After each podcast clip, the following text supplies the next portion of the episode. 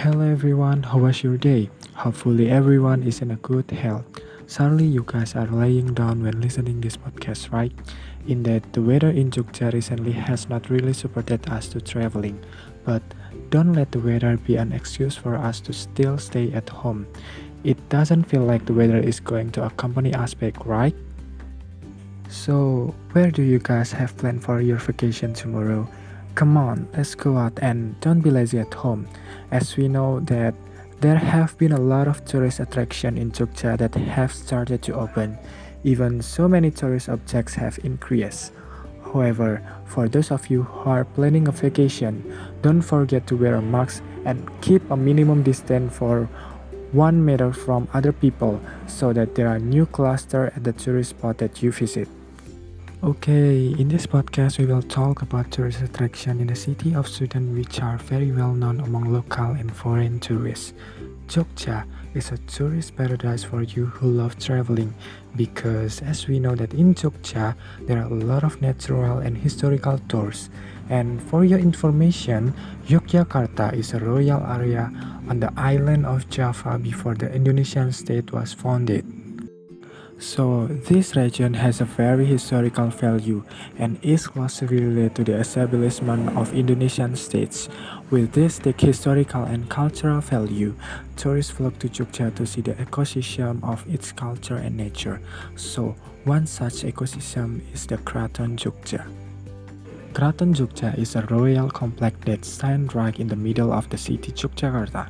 The Kraton, which was founded in the line of Giyanti Agreement in 1755, which split the Islamic Mataram Kingdom into the Yogyakarta Kingdom of Surakarta, has the endowment of the beauty Javanese architecture and is one of the best palace complexes in the land of Java. The beauty of the Kraton Jogja cannot be separated from its founder. There is Sri Sultan Hamengkubuwono I, who was the architect of this kingdom. If you are on a tour of the Kraton Jogja, then if you are from Malioboro Street, first you will be greeted by the Bangkunagaran Gate, which has a thick Javanese architecture, which is the next to the Baligalan in these buildings. Then, after entering Kraton, you will enter Alun-Alun Utara, which has a large indoor area. In this place, there are closed called gedong and open which is called tratak. In this area, there are several culinary choices that are perfect for you to visit before you enter the Yogyakarta Palace complex. So, you do not feel hungry when you visit Kraton. The Yogyakarta Kraton tour itself can be passed throughout two main doors. There is the first door, which is the south of Alun-Alun Utara, then, when you enter this door, you'll first enter Bangsal Pagelaran, which is the Kraton Jogja building visible from Malioboro Street, and the second throughout Tepas Tourism or Regol Keben. However, I suggest entering it throughout the Pagelaran Ward to see a more complete collection of the Kraton Yogyakarta. Throughout the doors of Pagelaran Ward, you will be greeted by a collection of royal clothes from the clothes of king, prince, relatives, soldiers to Abdi Dalem. There are quite a number of royal collections that are unique for you to capture. And when you visit Kraton, you can also see the Pancaniti Ward, which is an ancient times used a court to punish people who commit crimes. In addition, the Pancaniti Ward is used for traditional events such as Grebeg Sekaten.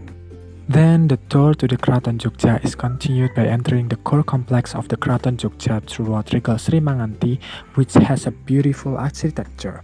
After that, usually when the hours are open for tourists, at the Pancaniti Ward, which is visible to you to enter Regol Sri Manganti, you can see various typical arts of the Kraton Yogyakarta being displayed, such as Wayang Wong and Wayang Kulit Dance.